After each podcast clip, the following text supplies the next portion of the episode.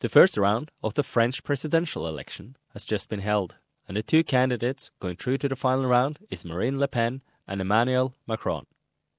To get some insight into what the election result mean, I talked to Ulf Sverdrup, professor in political science and director of NUPI, Norwegian Institute of International Affairs, who is currently visiting Australia.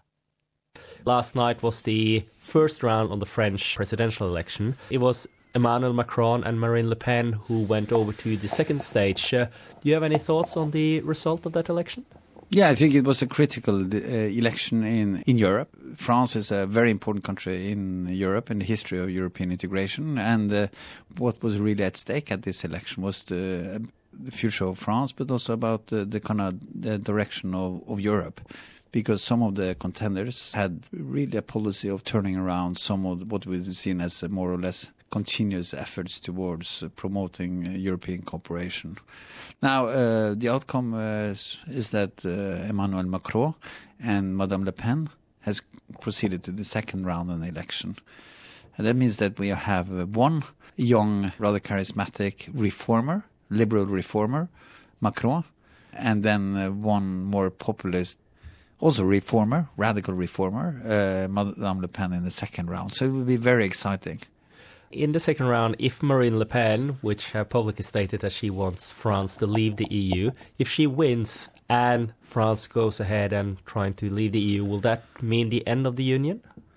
First, I think, uh, according to, to, the polls, it's not so likely that uh, Madame Le Pen will win. Most polls show that Macron would beat Madame Le Pen in the second round.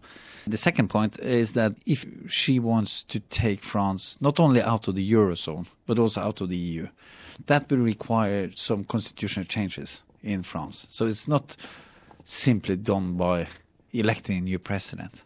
There's a constitutional requirements that has to be met. And, and one of those things is that in order to achieve that, she needs a majority in the parliament.